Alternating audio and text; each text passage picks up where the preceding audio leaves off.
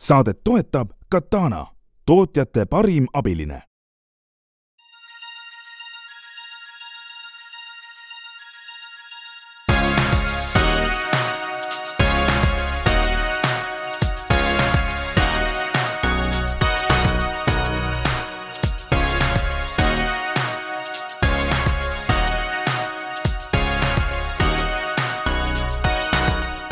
tere, head kuulajad, käes on Restardi podcasti aeg, mina olen saatejuht Hendrik Roonemaa ning tänane saade on veidi teistsugune, nimelt ei kutsunud me siia ühtegi harjumuspärast idufirmat, vaid äh, selle asemel toome teieni salvestuse ühest Tallinnas juuni alguses toimunud ürituselt tegemist on Eesti Interneti Sihtasutuse korraldatud internetipäevaga kaks tuhat kakskümmend kaks ja minu külalisteks seal olid Igor Taro ja Rainer Saks ning me rääkisime sellest, kuidas nemad praktiliselt iga päev koostavad ülevaateid äh, Ukraina sõjas äh, toimuvast, avaldavad neid Facebookis, kust nad andmeid leiavad, mis on tõde, mis on vale, nii et äh, head kuulamist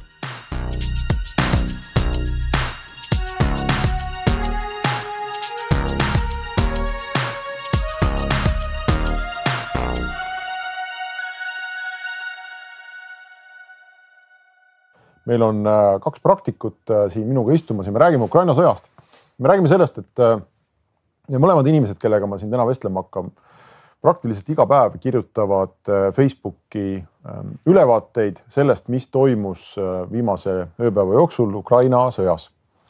kes, kus tulistas, kus suunas, kus midagi lendas, millise linna all midagi tehakse, kas ukrainlased taanduvad või tungivad peale, kas venelastele õnnestus see või ebaõnnestus too ja Eestis on äh, palju inimesi, ma arvan, tuhandeid ja tuhandeid inimesi, kes äh, ärkavad igal hommikul, esimese asjana võtavad kätte telefoni ja otsivad üles äh, kas Igor Taro või Rainer Saksa postituse, et näha, kas Ukraina veel püsib.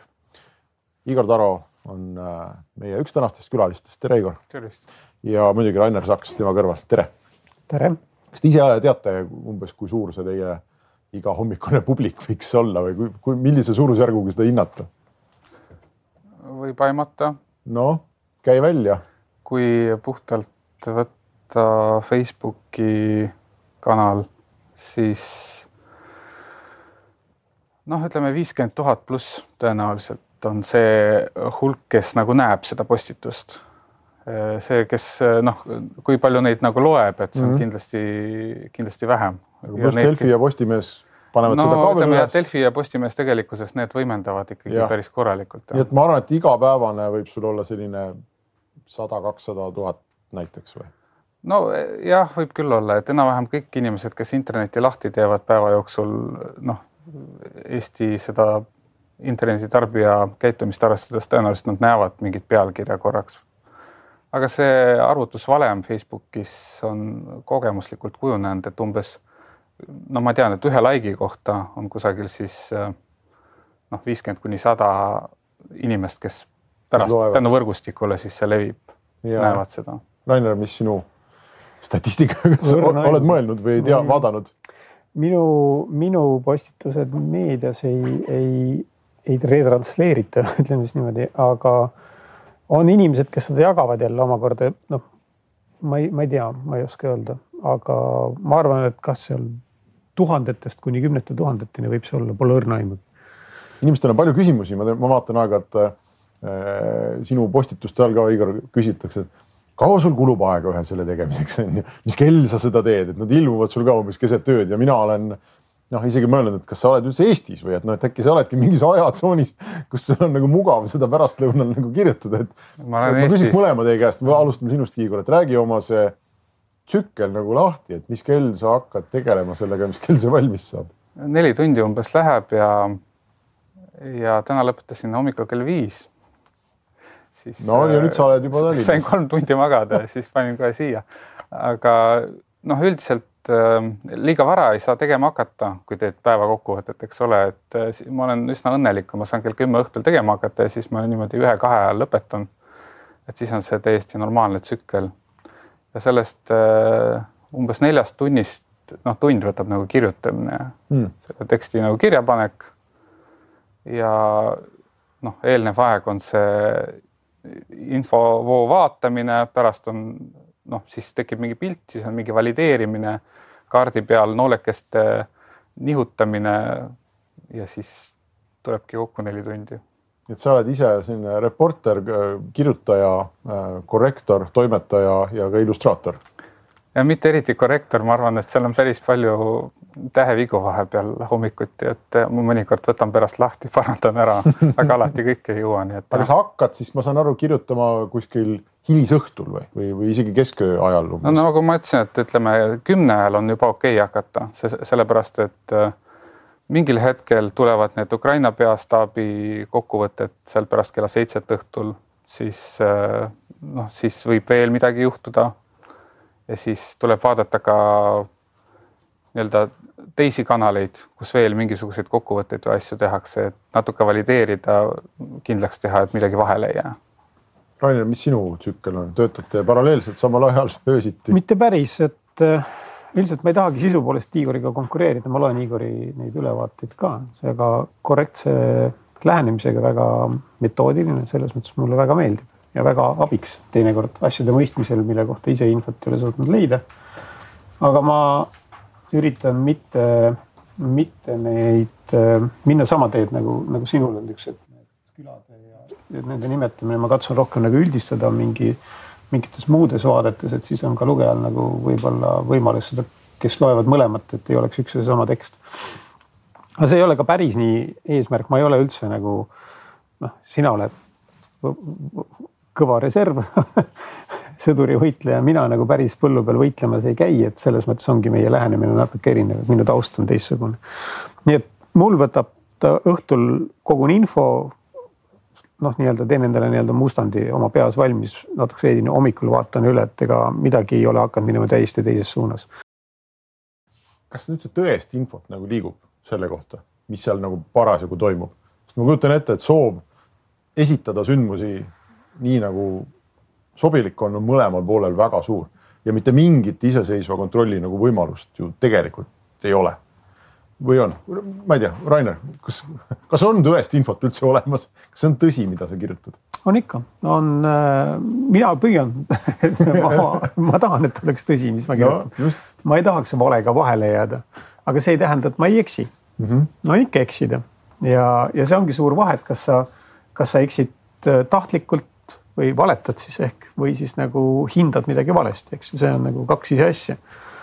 Ukraina puhul on lihtne minu arvates, äh, mis puudutab Ukraina riiki, siis Ukraina riik on valinud nagu selle põhimõttelise lähenemise, mida tavaliselt kõik avatud ja demokraatlikud riigid peavad tegema, et valetada ei tohi. teadlikult valetada ei tohi. Äh, neil on üldiselt selline põhimõte, et ähm, see on natukene pikem lugu, ma ei taha nagu seda eetriaega nagu sellega täis rääkida, aga, aga laias laastus nad on võtnud sellise lähenemise. et kui nad ei saa rääkida, siis nad ei räägi, aga nad ei hakka valetama. nüüd noh, tekib küsimus nagu vastaspoole eksitamisest, et kas nagu seda Ukraina kommunikatsioonis teeb ja nüüd need viimased Severodonetski sündmused siin näitavad, et nad nagu võivad natukene eksitada, aga nad ka sealjuures päriselt ei valeta nii et noh, selles mõttes on nagu lihtne. Vene poole häda ongi nüüd nagu selles, et kuna nad on teadlikult valinud sellise valetamise, valeinfo levitamise ja vastase totaalse eksitamise, siis nad on hakanud sattuma või nad ongi sattunud olukorda, kus ka see juhtum, kui nad nagu üritavad tõde edastada, ei leia nagu uskumist. nii et nad on oma usaldusväärse kaotanud täielikult ja see on tegelikult neid komplitseerinud ka selle sõja seletamisel omaenda publikule kas nad ise saavad aru kogu selle valetamise keskel, et mis on tõsi, mis ei ole, et ja... lõppude lõpuks ka Vene ametnikud, poliitikud, ma ei tea, olulised inimesed vaatavad ka neid uudiseid. siin ongi ju. see lugu, et kui, kui sa juba lähed valetamise ja eksitamise teed, see hakkab haarama sind kõiki sinu, sinu seda päris lähedast ringkonda, kes tegelikult selle eksitamisest võib-olla ise genereerib. et see mis on tegelik asjade seis, kipub nagu hägusaks muutuma või siis nagu muutuma isegi täiesti arusaamatuks. ja Ukraina pool on tegelikult vist tänu sellele teinud ka ühe otsuse, et nad ei avalda sellist operatiivset asjade seisu rindel just selle tõttu, et väga paljude Venemaa ametiasutuste jaoks võib-olla see Ukraina info oligi see kõige ainumas relevantne infoallikas. sealt nad said teada, mis päriselt toimub. et selle, nad said aru, et see oma pool valetab, ei saa uskuda ja, ja selle tõttu kasutasid vastaspoole infot, et noh, see, see ei ole nagu nii ühemõtteliselt kuskil kirja pandud, aga nii olen mina sellest aru saanud. Igor, kuidas sina seda sõjaudu ja oma, oma tulemuste ilustamise asja vaatad? No me tegelikult seda klippi vaadates vist jõudsime ühele arvamusele, et internetiga on siin vähe pistmist, et eh, internet on lihtsalt üks kanal ja see ei ole otseselt internetiga seotud nähtus, et kas, kas on või ei ole jah, tõepoolest, et Ukraina sellised peastaabi teated on väga üldised. ja tõenäoliselt seal ongi oma teatud eesmärk ja nad on iseenesest ka markeerinud, et on teatud asju, mida nad väga täpselt, väga detailides ei räägi või räägivad natukene hiljem. Nüüd Venemaaga on tõesti juhtunud see tõenäoliselt algusest peale, et nad on ise oma sellest äh, valeinfost ja propagandast äh, nii haaratud olnud, ehk siis põhiotsustaja tegelikult tõenäoliselt ongi oma strateegilises otsustamises lähtunud sellest. et me, me kodus telekat. no just nimelt, et me, me siin kõik nagu oleme imestanud, et äh, miks ta tegi nii vale strateegilise otsuse, et ükskõik, kuidas sa nagu hindad äh,. Kõige lihtsam on hinnata selle järgi, et mis võisid olla tema eesmärgid, kas ta on neid saavutanud, on järjest nagu tegutsenud oma eesmärkidele nagu vastupidises suunas või noh, deklareeritud eesmärkidele vastupidises suunas. järelikult strateegia oli vale, miks oli vale, oli sellepärast, et ta uskus mingisugust muud infot ja kui sa analüüsid, et äh, kui mina oleks ka sellist infot uskunud nagu, nagu tema noh, genereerib ja räägib, äh, siis tõenäoliselt ma oleks ka niimoodi tegutsenud võib-olla. et äh, aga kas päris nagu valet on olnud, ma, ma arvan, et minu selle saja pluss päevase kogemuse jooksul on olnud üks asi, mille ma läbi lasin äh, ja mis osutus, et, et see ei olnud nagu õige. aga seda tegid ka kõik, et selles mõttes ma ei pea nagu. mis asi see oli, kas sa saad öelda? see oli see teine laevade pommitamise lugu. Äh, Aleksandr Grigorovitš või mis oli see dessantlaeva teema, kus, kus ma hoidsin üks päev tagasi vähemalt mitmed sõbrad juba jagasid Facebookis, et äh, midagi on veel pihta saanud seal Neptunitega ma vaatasin, et ei tea, et kas ikka on ja siis ma vaatasin, et kurat, et kõik äh, Ukraina infoagentuurid ja ka need, mida ma enam-vähem nagu usaldan, nemad on ka nüüd selle ära avaldanud, siis ma panen ka kirja. aga selgus, et ikka ei olnud. Aga see oli tõesti nagu üks ainus juhtum ja kui sa küsid, kas tõde üldse on olemas, tegelikult on võimalik ju äh, sellest saada nagu tagantjärele ka aru, et kas on olemas või ei ole, et kui sündmused ikkagi arenevad ühtepidi siis äh, sa saad tagantjärele hinnata, et ega need asjad, mis sa oled kirja pannud või mida sa oled arvanud, noh, eks nad peavad ikkagi paika pidama. aga võtame lihtsa näite, seesama hukkunute arv, eks, et noh, iga hommiku ma teen kasvõi sinu postituse lahti, et noh, siis on seda sulgudes selline pluss kakssada, pluss sada, pluss kolmsada on ju. kui palju me seda usaldada saame, me, me ei saa seda ju tegelikult ka kontrollida ja me ei saa seda eriti nagu tagantjärgi ka verifitseerida kas see oli kolmsada või oli see seitsekümmend? no seda küsitakse kogu aeg, et äh, noh, esiteks oluline põhimõte on see, et kuna ma tõesti üritan seekord läheneda metoodilisemalt, kui ma eelmine kord tegin kaks tuhat neliteist kuni kaks tuhat kuusteist teatud põhjustel, äh, siis mingisugused KPI-d peavad olema, mida saaks mõõta arvuliselt. noh, KPI on alati sellise metoodilise lähenemise üks mm -hmm. elemente andke mulle siis paremad KPI-d, eks ole. et siis ma võtaks need kasutusse. Teine asi on see, et neid on mingil määral selle sõjategevuse algusnädalatel on neid natukene ka verifitseeritud, üritatud siis Briti ja USA luure poolt. no nad päris suured käärid minu meelest andsid ameeriklased või sinna vahele, et noh et.... tegelikult väga suured ei olnud, ütleme suurusjärgud olid enam-vähem sinnakanti et äh, noh, seal oli stiilis ütleme viisteist tuhat ja kümme tuhat olid mm -hmm. sellised käärid, et äh, sõltub nagu, kuidas sa hindad, et kas sa hindad suurusjärkudes või sa hindad absoluutarvudes või, või protsentides. et äh, ma vaatasin, et okei okay,, et, et nii väga suured käärid ei olnud, kui ma nüüd võrreldan neid äh, numbreid, mida Venemaa pool Ukraina kohta ütleb, et mis on Ukraina poole kaotused, no nad võtavad need Ukraina peastaabi numbrid ja korrutavad kahega, mulle tundub, et nende valem on selline et eh, noh, need on täiesti selles mõttes ebausutavad. ja ka kui sa nagu lahinguolukorda vaatad, mis seal eh, tõenäoliselt toimunud on, eh, võttes kogu seda teooriat mida noh, mida õpetatakse noh, nii-öelda sõjalises plaanis, siis nad lihtsalt noh, nad ei ole loogilised, eks ole, et et on olemas teatud füüsikaseadused, need kehtivad noh, puhtalt kasvõi reeglina, et ründav pool versus kaotav pool või kaitsev pool, et mis need proportsioonid võiksid olla. noh, ma ütlen, et enam-vähem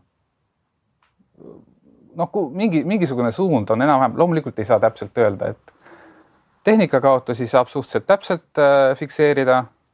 Äh, noh, droonid on neil olemas, nad mõnikord isegi ruudukestega nagu märgivad ära, kui oli see jää forsseerimise lugu, siis äh, seal oli ilusti piltidega kõik ära kaardistatud. noh, inimkaod tõenäoliselt seal on loomulikult hinnanguliselt, keegi neid laipasid seal kokku ei loe, et ei olegi võimalik. Rainer, sina tõid enne sisse selle vahe, et kas valetavad või eksivad, eks, et noh, et see on väga suur nagu vahe ja kas see just täna-eile oli uudistes, vist oli eile või et sai jälle üks järjekordne kindral surma ja siis Delfi väga kenasti kirjutas, et et, et Ukraina pool on väitnud noh, kogu selle perioodi peale kokku, et, et hukkunuid kindraleid on, ma ei tea, kuus või seitse või mis see number oli, aga tegelikult vähemalt kaks tükki neist ilmus hiljem ikkagi nagu välja, eks. Ehm, et kas see on ja seda on võimalik ju vaadata mõlemat pidi, eks, et mingil hetkel see kindralite, Vene kindralite hukkumine USA-s või, või Ukrainas oli nagu ukrainlastele noh, sellise nagu enesekindluse võrdkuju, et noh, et isegi kindrali tasemes sodiks, et täna lasime ja noh, et annab palju jõudu juurde ja seal on võimalik öelda, et nad tegid seda meelega ja seal on võimalik öelda, et noh, ega nad ka ei teadnud, eks ole. et mürsk lendas sinna, midagi lendas õhku, et kes ellu jäi, kes surma sai. kuidas sa ise hindad seda, et kas see oli, no kas sellised asjad üldse, kas keegi eksis või ta tegi seda meelega? ma arvan, et, et noh, ma, ma ei saa vastutada kõikide Ukraina inimeste eest, kes seal tegelevad selle meediapildi kokkupaneku ja, ja informatsiooni Äh, siis levitamisega ja, ja uudiste tootmisega, et see, see meeskond on väga suured, väga mitmel tasandil, alates nendest äh, seal, kes seal rindepiirkonnas tegutsevad, sealt neid infoklippe saadavad otse sotsiaalmeediasse kuni siis nendeni, kes siis nagu teevad mingisugust strateegilist sõnumit, panevad kokku ja, ja siis seda levitavad. Üldiselt ma ütleks niimoodi, et äh, ukrainlased nagu meelega väga minu hinnangul nagu selliseid äh, noh, ütleme valeuudiseid ei ole tahtnud toota, et nad pigem on nagu pärast kahetsenud, kui nad on eksinud ja nad on ka, on võimelised ennast korrigeerima. et äh, on ka juhtunud seda, et mõned niisugused äh, suuremad pläralärajad on, on pildist ära kadunud. Hmm.. ka Ukraina ametiisiku poolt, noh, kes olid nagu seal nii-öelda meediastaarid seal sõja esimese paari-kolme nädala jooksul või, või esimese kuu jooksul ja no see on, kõik on ette tulnud, ega ta ei ole mingi ideaalselt toimuv masinavärk, aga minu arust nagu see ongi nagu see nende tugevuse näitamine või, või demonstratsioon, et nad suudavad ennast parandada ja korrigeerida. vaatad Vene poolt, eks ju, siis noh, nemad üritavad äh, ilmselgelt valeks osutunud sõnumeid tappa uute valedega ja veel suuremate valedega või siis teha mingit, noh, sa saadki aru, et nad on valetanud. Et sellest nad, nad ise aru saavad, nad teevad kannapöörde mingisse teise suunda, panevad mingi järgmise valega minema nii et noh, see ongi see suur vahe. ja mina ei usu, et ukrainlased nagu ka nende kaotuste puhul ja et nad noh, nagu teadlikult valetavad, võib-olla nad alguses läksid pisut hoogu. nüüd nad on pigem nende kaot-, Vene poole kaotuste väljaütlemisega olnud tagasihoidlikumad ja pigem tuleb sealt vaadata seda suurusjärku, no mitte seda absoluutarvu, nagu, nagu Igor ütles ka, et ja ma arvan, et see suurusjärk on üsna lähedal tõele. et äh, see kinnitab kõik nii kaudselt toimuv, et äh, Vene väed ei suuda enam laial rindel peale tungida. kuni, kuni ka siis sinnamaale välja, et on ikkagi takkajärgi tulnud need infod välja, mis siis kinnitavad seda, et noh, Ukraina poole hinnangud on ikkagi enam-vähem tõele vastanud. siin jah, ütleme näiteks äh, nende Ukraina ametlike allikate tunnustuseks seda, et seesama kuulus laevade pommitamise juhtum ju tegelikult ei tulnud minu mäletamist mööda ta ei tulnud peastaabi teadetest kordagi läbi, ega ta ei tulnud ka selle igaõhtuse plära ja Arestovitši suu mhm. läbi, kes seal teeb seda heatööd, mudilased äh, laivi Youtube'is noh, iga päev, et äh, olid teatud allikad äh, või teatud kanalid, kes, kes seda nagu noh, ei öelnud välja. et selles mõttes võib arvata, et jah, et nad on hoidnud ikkagi sellist nagu usaldusväärsuse joont, võib-olla natukene isegi sellist peavoolu meediast noh, mingil määral nagu konservatiivsemalt just. siin mõni päev tagasi ma vaatasin Tiit Ennoste tekitas osades eestlastest suurt pahameelt, et Delfis oli ka pealkiri, et Tiit Ennoste kool on, et Eesti meediapilt on Ukraina poole kaldu või, või midagi sellist, eks ehm, aga see annab mul võimaluse teie käest küsida, et kas seal Vene poolel on üldse mingit infot, mida võtta, mida te jälgite, millega te arvestate või on see nii nagu ma Rainer jutust olen aru saanud, et parem on mitte vaadata, et no lihtsalt raiskad aega? jah ma, ma jään selle juurde, et, et olukorras, kus ma töötan üksinda praegu ma ei, ma ei suuda seda massi läbi töötada ja kindlasti sealt leiab äh, bitte ja baite, mida saaks kasutada. ja kindlasti on ka noh, tegelikult Vene poole informatsioon on see, mis on ikkagi mingi kajastus sellest, mis toimub ja, ja see tervikpilt tekib sellest, kui sa saad aru, kuidas Vene pool seda kajastab aga ma ütlen ausalt, mina kasutan seda Vene poole kajastusest arusaamiseks siiski nagu niisuguseid üldistusi, mida vahendatakse, mitte et ma ei, ma ei, ma ei hakka nagu jälgima nagu detailselt kõiki neid röökivaid äh, kommentaatoreid. ja, ja Vene poole blogides äh, noh, ma ei, ma ei ole ka neid pidevalt jälginud, sest nad on väga hektilised ja, ja episoodilised, et, et noh, mõned tsiteerivad seda Kirkenit, aga see on noh, pigem nagu selline jälle, et ta nagu oma väljaütlemistega praegu nagu siis kinnistab nagu neid Vene poole ebaõnnestumisi, mis on ka jälle noh, nagu noh, selles mõttes tore on, aga ta omakorda ei saa olla mingi väga originaalne allikas. ja ma arvan, et, et Vene poole allikad on, on nagu selles mõttes tõesti hetkel nagu väheväärtuslikud, et kui sa tahad igapäevaselt nagu seda vahendada, mis toimub, siis nad ei kõlba küll aga selleks, et nagu teha mingeid pikema perioodi üldistusi, on ju võimalik vaadata, kuidas Vene poole retoorika on muutunud selle aja jooksul. see ka kajastab natukene seda, mis need sündmused endast kujutavad, mis seal toimub, mis see dünaamika on, kuhu poole ta liigub ja, ja noh, ütleme nüüd see sõda on ajanud Vene poole kommunikatsiooni ikkagi täiesti hulluks. et enne sõda, äh, ütleme siis veel siin enne aastavahetust ja no sealt oli võimalik palju rohkem välja lugeda ja ka seda, mis nende kavatsused on ja praegu minu arust nagu töötavad väga paljud Vene ametiasutused täiesti pimedalt. et neile antakse mingisugune sõnum ette, nad lihtsalt retransleerivad seda ja, ja iseseisvat nagu sellist noh, niisugust mingisugust huvitavat nüanssi nad sinna lisada ei, ei tohi vist ilmselt isegi. Igor, mis sa, mis sinu kogemus on, et vaatad Venemaa infoallikaid üldse või ei vaata? ma alguse poole vaatasin pisut rohkem. kuigi kohe suht esimestel päevadel sain aru, et tuleb vaadata järjest vähem, sellepärast et neid teri oli seal tõesti nagu väga vähe, mida kogu selle sõnniku vahelt leida. Aga noh, üht-teist ikka, ma isegi mingil hetkel vaatasin, seal oli üks legendaarne Youtuber, kes tegi, aga võib-olla siiamaani teeb neid ka oma igaõhtuseid kaartidega ülevaateid.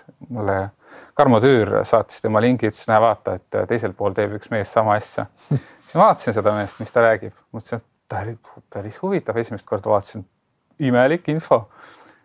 Siis kuulasin tähelepanelikult, mis ta ütleb, et no kolme-nelja päeva pärast võtame need kotti seal ja, ja need lõigatakse ära, need hävitatakse ja siis kahe nädala pärast on Donbassi rinne kokku kukkunud kõik, et mul on nüüd kindel info olemas siis ma vaatasin nelja päeva pärast, siis ma vaatasin kahe nädala pärast, siis ma vaatasin nagu sassida seisu.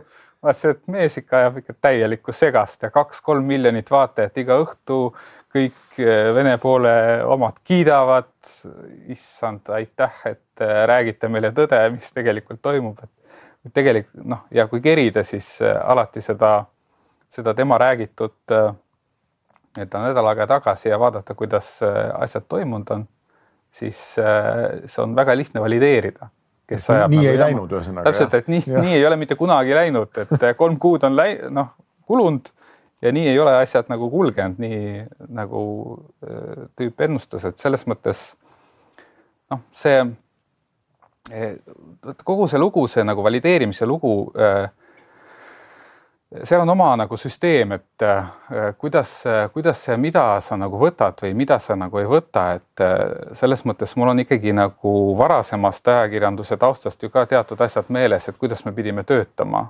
sisse ehitatud skepsis on, eks ole no,, ajakirjaniku esimene skepsis... reaktsioon on, et ega see vist ikka ei ole nii, aga ma, no ma lähen kontrollin. no ütleme, et äh, kõige lihtsam viis oli ju see, et äh, kaks sõltumatut allikat pidid sulle mm -hmm. mingit asja kinnitama, eks ole, see on nagu äh, üks peamine su tööriist. see ei ole Ukraina sõjas võimalik, kui seal rindes midagi lendab, seal ei ole, hea, kui seal ükski sõltumatu allikas on ju, tavaliselt no, ei ole no seda just, ka. ütleme, et äh, see, mida ma olen suht palju kohanud, et arvatakse, et keegi teine on kinnitanud kuigi teine on lihtsalt retransleerinud Just. seda nagu algallikat mm. -hmm. aga noh, ma lihtsalt tuletan meelde, mis oli nagu internetiga, internetieelse ajakirjanduse üks põhimõte et sa võisid lähtuda sellest, et kaks äh, sõltumatut, võib-olla sulle võõrast allikat kinnitavad. Äh, teine põhimõte oli see, et kui sa saad väga usaldusväärsest kanalist asja, siis äh, noh, kui sul on nagu, kui tal on pikk ajalugu, kompetents, keegi võib arvata, et ajakirjanik teeb sulle otsuse kuidagi mustas kastis, aga sul on teatud kriteeriumid, kuidas hindad ja kolmas äh, meetod, äh, noh, see toimubki sellise triangulatsiooniga, et kas sul on üks tingimus täidetud, kas sul on teine tingimus täidetud. Ja kolmas tingimus on standardhälve. kui sa jälgid mingit asja, siis su peas sünnib mingi graafik, asjad kõiguvad umbes sellises vahemikus. Ja kui ma homme loen äh, või keegi jagab sotsiaalmeedias midagi väga-väga suurepärast. kaks tuhat hukkunut. Just või väga-väga nagu sellist äh, Äh, halba, siis äh, see standardhälbest nagu üleminek, äh, see on see, mis peab sul tekit-, tekitama küsimuse, kuule sinna sisse peaks nagu vaatama rohkem natukene, kui ma tavaliselt vaatan. et noh, sellise triangulatsiooni meetodiga sa kogu aeg nagu töötad ja see nagu aitab kogu selles infovoos noh, jõuda enam-vähem ikkagi tõepäraseni ja selliste andmeteni, millest on kasu ega turunduses on samamoodi, noh, ütleme, kui ma töötan igapäevaselt turunduses, mulle ka näiteks müügiinimesed küsivad, et eh, noh, ma ütlen, et öelge mulle need numbrid või ma näen, ma näitan teile need numbrid, et need mõjud, mõjud on tõenäoliselt sellised. ei no kas me ikka teame, et noh, et need numbrid näitavad täpselt seda, no see tähendab näiteks, see on seesama paralleel nende KPI-dega. ma ütlen, aga andke paremad numbrid, et kui teil on paremad või kui me oleme nagu pikalt mingit protsessi jälginud ja me näeme, ütleme nende numbrite dünaamikat ja arengut, siis eh, ei ole tähtis see, kas see oli nüüd sada viiskümmend või sada kakskümmend, vaid nagu kas see on olnud eh, sadades, kümnetes, kas on hüpanud nüüd tuhandetesse. et see on nagu tähtis. teine temaatika, mis eh, me praegu keskendume Ukrainale, et noh, mis seal täpselt Donbassis või kuskil toimub, eks ole, kes liigub edasi, kes liigub tagasi. paralleelselt on mingisugune infotegevus ikkagi kogu aeg käinud ka Venemaal endal eks need on, mäletate, kunagi liikus ringi see isegi mahakirjutus mingisugusest vestlusest mm. Putini punkris, eks. et äh, ma ei tea, keegi, mis iganes oligarfi, keegi oli seal olnud ja kirjutatud maha. ja siis oli see mingisugune endine rallisõitja, kes neid KGB äh, või, või FSB mingisuguseid sisekirju Twitteris lekitas, ma ei tea, kas tuleb teile tuttav ette või? oli mingisugune tüüp, kes avalikustas neid, mingi FSB töötaja talle muudkui läkitas sealt seest ja kõik otsiti neid kindraleid ja arreteeriti ja ja siis on kõik need vestlused või, või uudised sellest, et kas Putin on haige või, või kellega ta koos reisib või kus ta üldse on või noh, et mingisugune nagu asi, mingi müra, mingi värk seal nagu on. ma ei tea, kas võib-olla Rainer, sina oskad nagu valgustada seda rohkem, et mis asi see nagu on, et kas see on venelaste mingi infooperatsioon, kas see on mingi isetekkeline asi, kas see on lihtsalt kellegi nagu nali või on see mingi lääne luureagentuuride mõjutus või on see mingi soovmõtlemine või mis asi see on kõik? no eks sihukestel puhkudel nagu see kõik, mis sa kokku kirjeldasid, eks mitmed asjad saavad siin kokku ja tekibki selline üldpilt, mida siis võid hakata dekonstrueerima ja lahku, lahti võtma ja. ja inimesel on alati kerge uskuda, et, et mingi üks jõud on selle taga, et see teeb asja lihtsamaks, tegelikult mitte kunagi nii ei ole.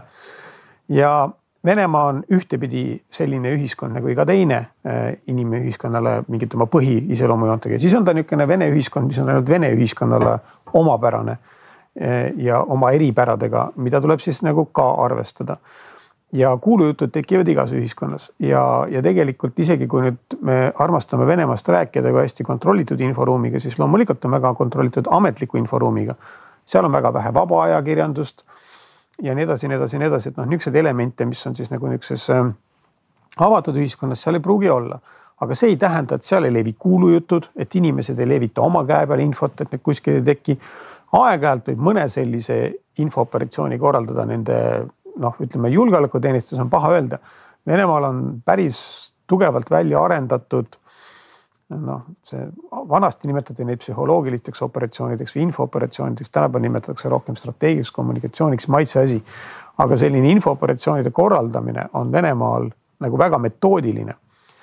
ja nad on ikkagi enamasti suunatud nagu teiste ühiskondade riikide vastu, sellepärast et ka nende sõjadoktriinis on väga tähtsal kohal see, et äh, selles niinimetatud Gerassimi doktriinis, et, et vastase kallale sõjaliselt isegi ei minda, kui ei kontrollita inforuumi, et see on nagu noh, esimene tõsine äh, noh, ütleme valekäik siis nagu selle Gerassimi doktriini vaates Ukrainas, kus nad läksid sõdima niimoodi, et nad inforuumi tegelikult ei kontrollinud. aga mina arvan seda, et need Putini tervisejutud ja nii edasi, et siin on noh, ühtepidi on siin soovmõtlemist ja nagu sellises suletud maas ühiskonnas ikkagi tekivad nagu sellised kuulujutud Nad levivad mm -hmm. täpselt nagu Põhja-Koreas või ja, ja tegelikult ei saa mitte ükski riik, isegi niisugune väga kinnine äh, ühiskond, ütleme noh, ma ei tea, see on nagu Korea on näiteks Põhja-Korea. ta ei saa toimida ilma, et ta levitab mingisugust informatsiooni ja tuleb aeg-ajalt levitada ka mingit pehmemat informatsiooni riigijuhtide eraelu ja selle kohta. nüüd Putin on sellest tagasi tõmmanud, kui te mäletate, kunagi ta oli hästi tugevalt pildis. Ratsutas hobusega ja. nii-öelda hobidega, ütleme siis niimoodi, näidati teda inimesena mm. -hmm mis oli väga tark otsus nagu, et anda talle niisugune tugev inimese dimensioon. nüüd seda ei tehta, järelikult selle nüüd tühja koha täidavad siis need kõikvõimalikud kuulujutud. ja see, et noh, inimesel on tervisega probleem, on kindlasti selge, sest noh, vananenud ja seda on näha, eks, et ta ei ole enam niisuguses heas vormis, nagu ta varem oli. aga kuna nüüd mingil põhjusel nad on teinud selle rumala otsuse, et nad oma riigijuhi tervisest nagu ei räägi või ei anna selle kohta siis ka piisavalt viiteid, siis siis noh, levivad need kuulutused, aga noh, kui te olete nüüd vaadanud viimase kolme päeva jooksul on siis nagu selle kompenseerimiseks korraldatud seal mõned kohtumised, kus Putin räägib. no nii haige ta nüüd ka välja ei näe, et ta kohe hakkaks kokku kukkuma või kuskile opilauale minema. nii et. see võib ka teisik olla, ma olen lugenud no saab ikka veel edasi mõelda, aga see on nagu ka selle ühiskonna nõrkus, kuna noh, üldse sellise ühiskonna nõrkus on see, kus äh, ütleme, võimu legitiimsus satub aeg-ajalt kahtluse alla tänu sellele, et noh, demokraatlikus ühiskonnas toimuvad valimised, võim legitimeerib ennast selle läbi. Uuesti ja uuesti, uuesti, uuesti pidevalt see protsess toimub, siis nagu noh, sellistes süsteemides, kus see valimised on nii-öelda oma läbipaistvuselt ja ausalt pandud kahtluse alla, see legitiimsuse probleem tekib ja see hakkab tegelikult genereerima siis omakorda nagu selliseid tundlikke kuulujutte, aga no see ei ole ainult Venemaal, vaadake, kuidas lääne meedia on spekuleerinud ühe, teise, kolmanda äh, nii-öelda riigipeaga, keda võib pidada siis diktaatoriks, et mis tema terviseseisund on ja ehk läheb kiiresti ära ja, ja millegipärast see. tavaliselt just, ei lähe, eks. ja minu arust läheb tavaliselt vastupidi mm. -hmm. meil on natuke nüüd lõpuni aega. Ehm, täitsa praktilise poole pealt ma küsiks, et mida nagu meil Eestil sellest kogu sellest Ukraina situatsioonist kommunikatsiooni mõttes õppida on, et üks asi mulle tundub endale täiesti loogiline on see, et, et internet, noh, et side peab igal juhul jääma püsti. et see on nagu selline noh, A ja O, eks ole, et sa pead ise saama allapoole suhelda seal oma inimestega ja tegelikult sealt ka info peab nagu välja saama. sest kui ta välja ei saa, siis sa ei ole maailmas pildis ja kui sa ei ole maailmas pildis, siis ole sa NATO liige või ei ole, on ju, et noh, sa oled, kui sa ikka iga õhtul telekas ei ole, siis vahet pole. teine asi on see, et sul on vaja kogu aeg pakkuda mingit dramaatilist uut infot, eks muidu jälle publik tüdineb CNN-is või BBC-s, noh ja siis tüdinevad poliitikud ja siis on sul jälle nagu jama majas ähm,. aga, aga mis veel, mis, mis need kanalid on, eks, kas, kas see on Twitter, kas see on ainult Twitter, kas see on veel midagi muud või mis on need teie puht sellised tehnilised õppetunnid, ma ei tea, Igor? ma arvan, et äh, kõige tähtsam ei ole see, et pakkuda iga päev mingit väga äh, sellist põhjapanevat äh, ja ägedat infot. et see, mida ukrainlased on teinud ja see, millele ma viitasin, oli see üks äh, igaõhtune Youtube'i live on ju, mida teeb ka Ukraina president. et nad on lihtsalt äh, iga õhtu, iga päev on rahustavalt pildis. et need mehed, kes Youtube'is igal õhtul räägivad, et nad on omavahel isegi naljatlenud. noh, nende kohta on hästi palju paroodiaid tehtud, et kuidas nad räägivad enam-vähem ühte ja sama juttu, et kuidas see pilt algab ühtemoodi siis see küsimus on äh, täpselt selline, noh, räägi, mis siis täna rindel toimus äh,? ei no ega seal midagi erilist ei olnud ja, ja noh, praktiliselt see retoorika on nagu selline nagu korduv. mille kohta nad on ise ka eneseirooniliselt öelnud, et noh, millest me täna räägime. kuule, vahet ei ole, et äh, räägime millestki, et inimesed kuulevad häält ja siis äh, nad umbes nagu rahunevad maha, et selline Pavlovi efekt. et keegi küsis mu käest just hiljuti, et äh, kas on õige, et Ukraina president teeb iga päev avaldusi. ta vähemalt ühe teeb, võib-olla ma ei tea isegi nagu mitu. loomulikult on õige et päris mitu asja ta näitab sellega ära ja see on, see on selline nagu Putini antipood, eks ole. üks mees, kes on punkris, kelle kohta keegi ei tea, kus tema on. teine mees on kogu aeg. täpselt, tema on täpselt Kiievis kogu aeg rahulikult teeb tööd, eks ole, nüüd eile-üleeile ta käis siis seal, ta käis seal isegi rindel. No ikka väga sellises, ma ütleks, et ohtlikus kohas. jälle päris mitu sõnumit, eks ole. üks sõnum on see, et hoolib teine sõnum on see, et järelikult on seal nii kindel olukord, et äh, võis käia sealsamas, kus see kindral surma sai, eks ole. et äh, jah, Vene kindral siis. just Vene, Vene kindral sai surma, on ju, ja Ukraina president oli kohal seal kusagil, ma ei tea, kas kümne-viieteist kilomeetri kaugusel. et äh, jah, need on küll õppetunnid, infokanalid, noh, loomulikult nagu kõikvõimalikud, et ega see Musk'i Starlinkide saatmine tõenäoliselt ei tulnud ju tühja koha pealt mm, -hmm. et hoida seda infot üleval ja mida noh, on ju näha, et mida Vene pool on hakanud tegema, ta on hakanud okupeeritud ala, aladel siis äh, kogu äh, seda infotaristut, kommunikatsioonitaristut ju välja lülitama, maha võtma, et see on neid äh, selgelt seganud, et selle peale noh, tasub mõelda, et äh, noh, ukrainlased tegid seal ka oma äh, vastumeetmeid, et äh, läksid siis kesklaine peale raadios, äh, tekitasid mingisuguse kanali, et äh, kellel veel on need raadioaparaadid, mis kesklaine pealt võtavad või kellel on siis olemas mingisugune satipann, kus on võimalik siis ilma kodeerimata mingisugune kanal kätte saada, et et see infokanalite palett peab olema võimalikult lai, seal peab olema väga robustseid kanaleid. Noh, ma olen mõelnud näiteks ega meil Eestis äh, kriisijuhtimise mõttes äh, kuni selleni välja, et tegelikkuses võiks olla kokku lepitud, et äh, kui telefonimastid maha lähevad, siis on teil olemas üks külaplats või hoone või koht, kus näiteks iga päev kell kaksteist tuleb keegi, annab mingisuguse info edasi.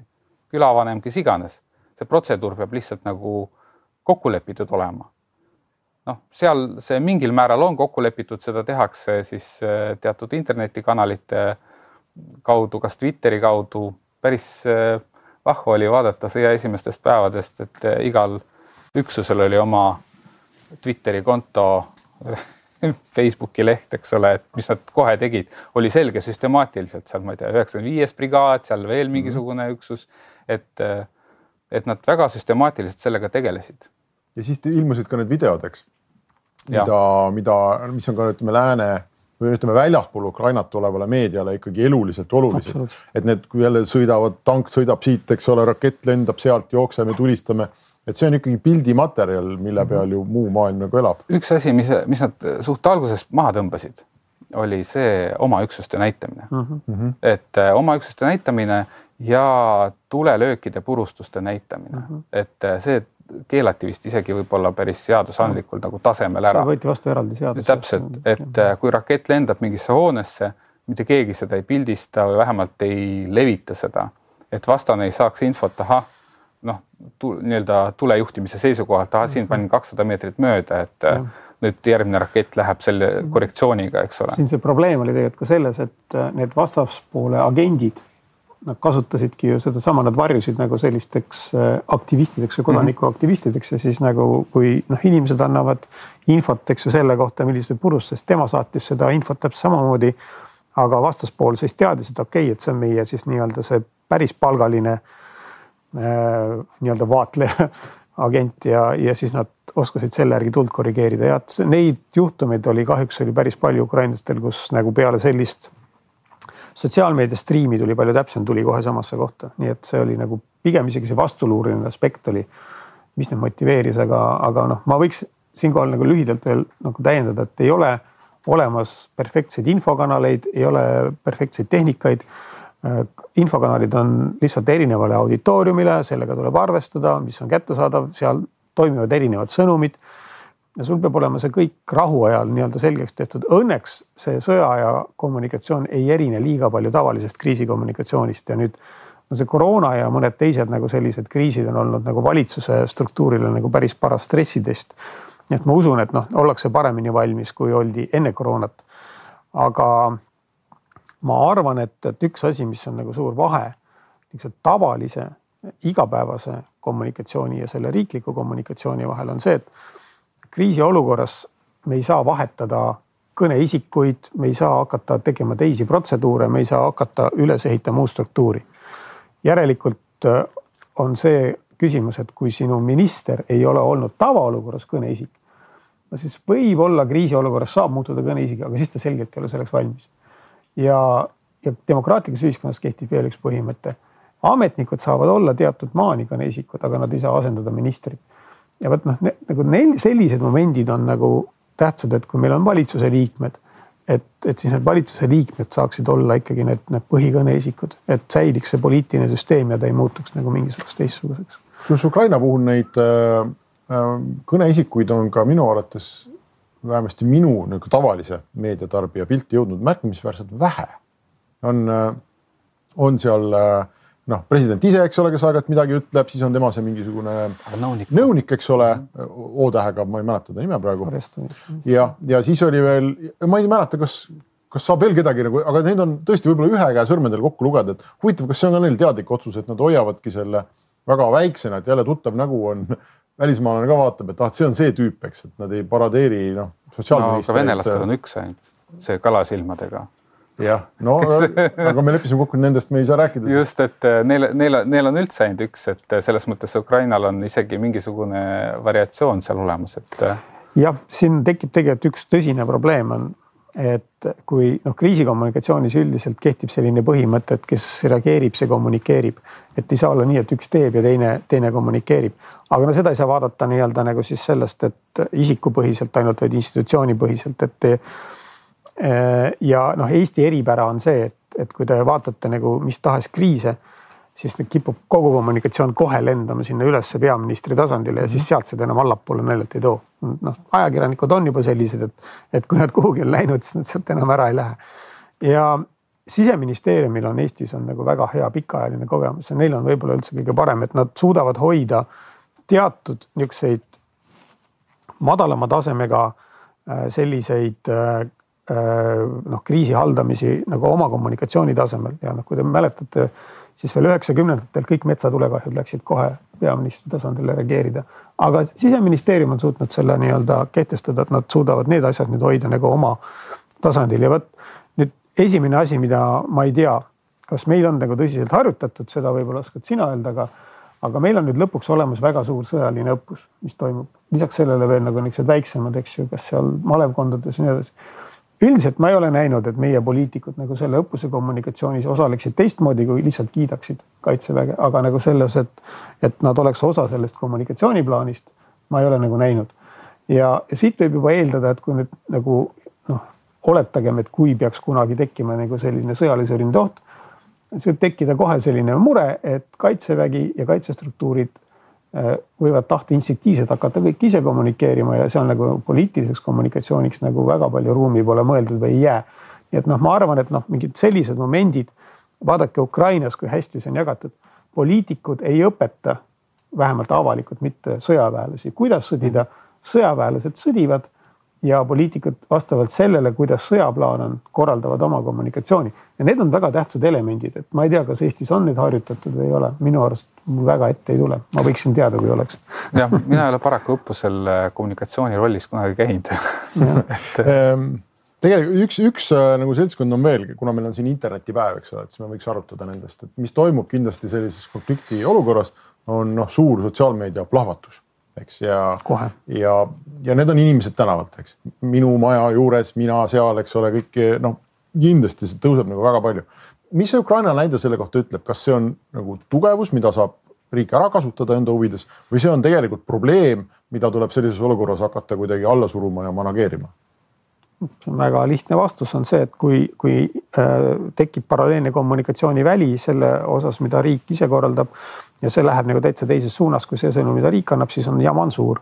ja seda nagu tagasi saada siis kontrolli alla on väga raske, nii et ma arvan, et äh, noh, riigi ülesanne ei ole niivõrd mitte manipuleerida sotsiaalmeediaga või seda kuidagi takistada või suunata, vaid just nimelt toota ise need relevantsed sõnumid. me oleme rohkem rääkinud siin praegu tehnikast, aga tegelikult see sõnumi sisu on kõige olulisem. ja ta peab nagu vastama kodanike ootustele ja, ja seda nimetataksegi tegelikult ju Põhjamaades väga näiteks psühholoogiliseks kaitseks.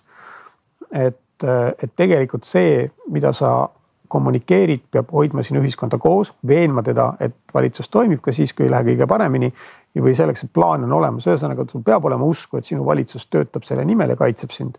et, et see kriis oleks nagu lahendatud no need sõnumid peavad olema sisult äh, sellised, mis inimesi kõnetavad, et äh, sotsiaalmeedias paljud inim-, paljud inimesed, kes ei ole noh, kes ei tee seda nii-öelda professionaalse tasemelt, oskavad seda tunnetuslikult kuidagi, eks ole, ära arvata. noh, meil on ülikoolis õpetatud, on olemas kuus kriteeriumi, sa vastad nendele küsimustele ära Äh, nendest peab olema, ma ei tea, kas neli või kolm näiteks äh, lähevad täppi mm, -hmm. siis järelikult see tõenäoliselt kõnetab inimesi.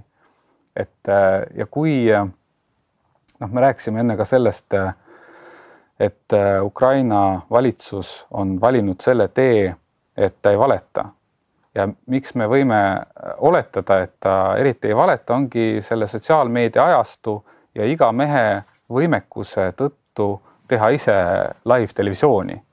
sellepärast, et kui ta hakkaks totaalselt valetama, siis äh, ma kipun arvama, et see tuleks väga kiiresti välja. just nimelt sellepärast, et äh, ka siis, kui üritatakse piirata mingisugust info levikut, ikkagi on noh, nii paljudel inimestel on ikkagi see nutitelefon olemas, et on võimalik teha pilt, on võimalik teha video, on võimalik minna laivi. et äh, väga keeruline. et noh, Venemaa olukord praegu on hoopis teistsugune, eks ole, sündmused ei toimu nende pinnal, sündmused toimuvad kuskil eemal, ehk siis Vene ühiskond ei saa kuidagi äh, seestpoolt midagi filmida. Aga samas äh, noh, piiratakse ka seda infot, mis tuleb väljastpoolt ja, ja üritatakse ka manipuleerida, et noh, need head näited olid äh, seoses selle raketikandja Moskvaga, kui toodeti mingisugused kaadrid väidetavast meeskonnast, kes oli kusagil platsi peal Äh, kui olid kaadrid nende samade kindralitega. Mhm. et noh, üritati nagu manipuleerida, et äh, mina näiteks ei ole lõpuni kindel, et äh, see, millest sa rääkisid, need kindralid on elus. päriselt elus on jah. jah, sest seal on ka nagu tege, esitatud küsimusi, et, et kellega nad seal olid ja mis ajal see oli filmitud, et et selles mõttes väga raske on sellises olukorras valitsusel valetada kui rahval on ka see meediavõim endal käes, mitte ainult meedial. aga ma siin, vabandust, ma nüüd hüppan korraks vahele, üks, üks oluline võimepuudus, mis Eestis on, mida ma tahaksin nagu juhtida tähelepanu, on tegelikult see, et, et on vähe abi sellest, kui me kommunikeerime eesti keeles mm. -hmm. tegelikult selleks, et jõuda maailmameediasse, peaks kommunikeerima minimaalselt inglise keeles, aga kui te vaatate Ukraina kanaleid, siis nad kommunikeerivad ikka väga paljudes maailma keeltes, okei okay,, suuruse vahe loeb. Ma saan aru, et me ei saa käituda nagu neljakümne miljoni riik aga see võime toota operatiivselt ingliskeelseid äh, uudiseid on Eesti valitsuse poole peal väga nõrk.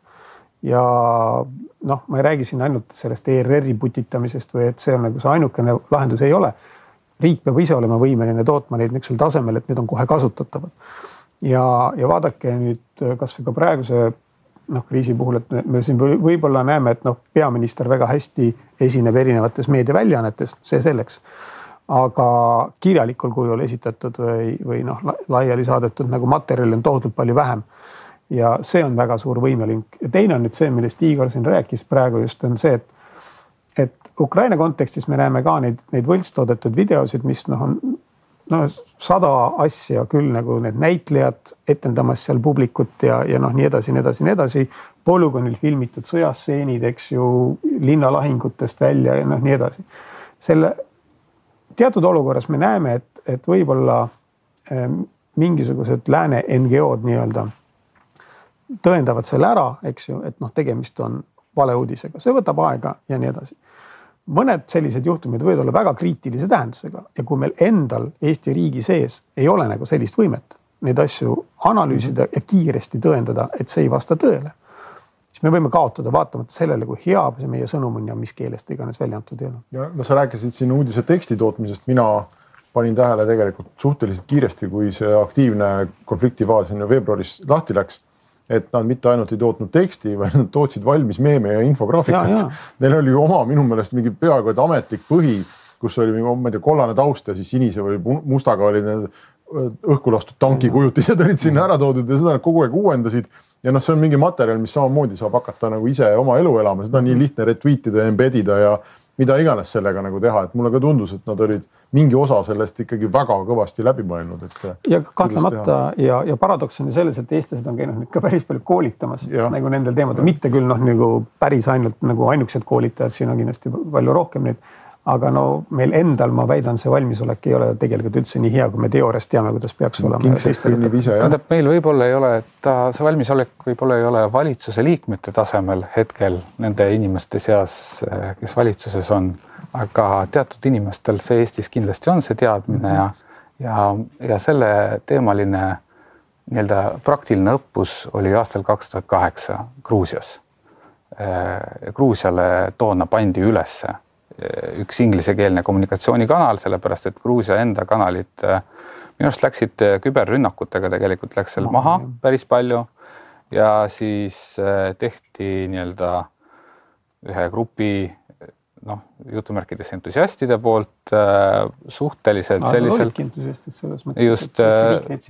nojah, platvormi peal, noh, avatud platvormi peal tehti, ma ei mäleta enam, kuidas see nimi oli, see mingi Georgia, mis iganes äh, noh, pandi üks lööv äh, nimi, eks ole, ja, ja noh, tehti sellist uudiste feed'i, info feed'i nagu inglise keeles äh, pidevalt, et selles mõttes äh, seda on ühele riigile tehtud mm, -hmm. harjutatud.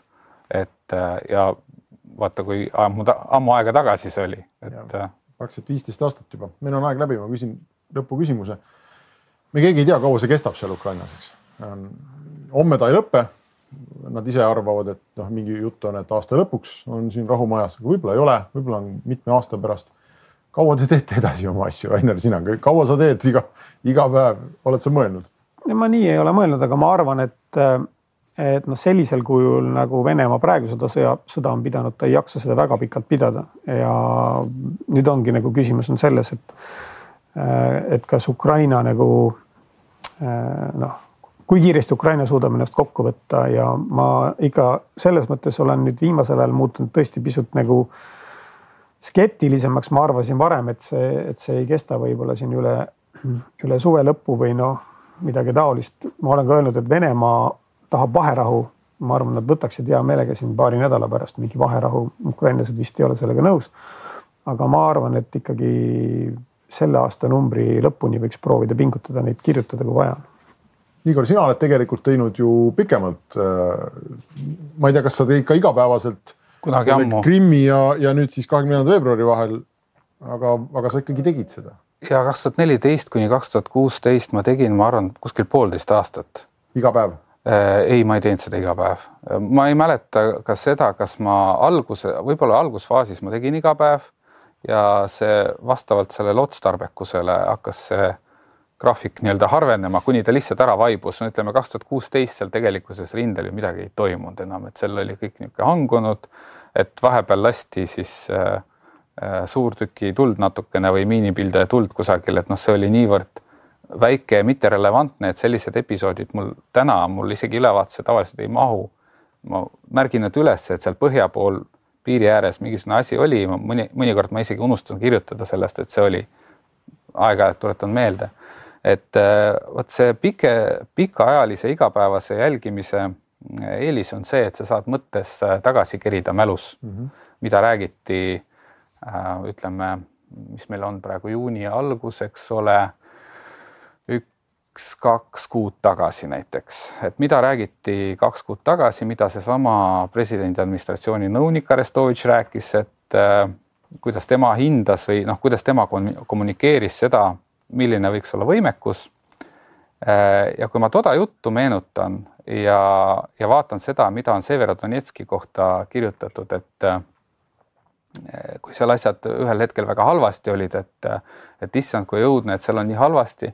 tegelikkuses ta ütles kaks äh, kuud tagasi, et lähebki väga kriitiliseks, väga keeruliseks läheb.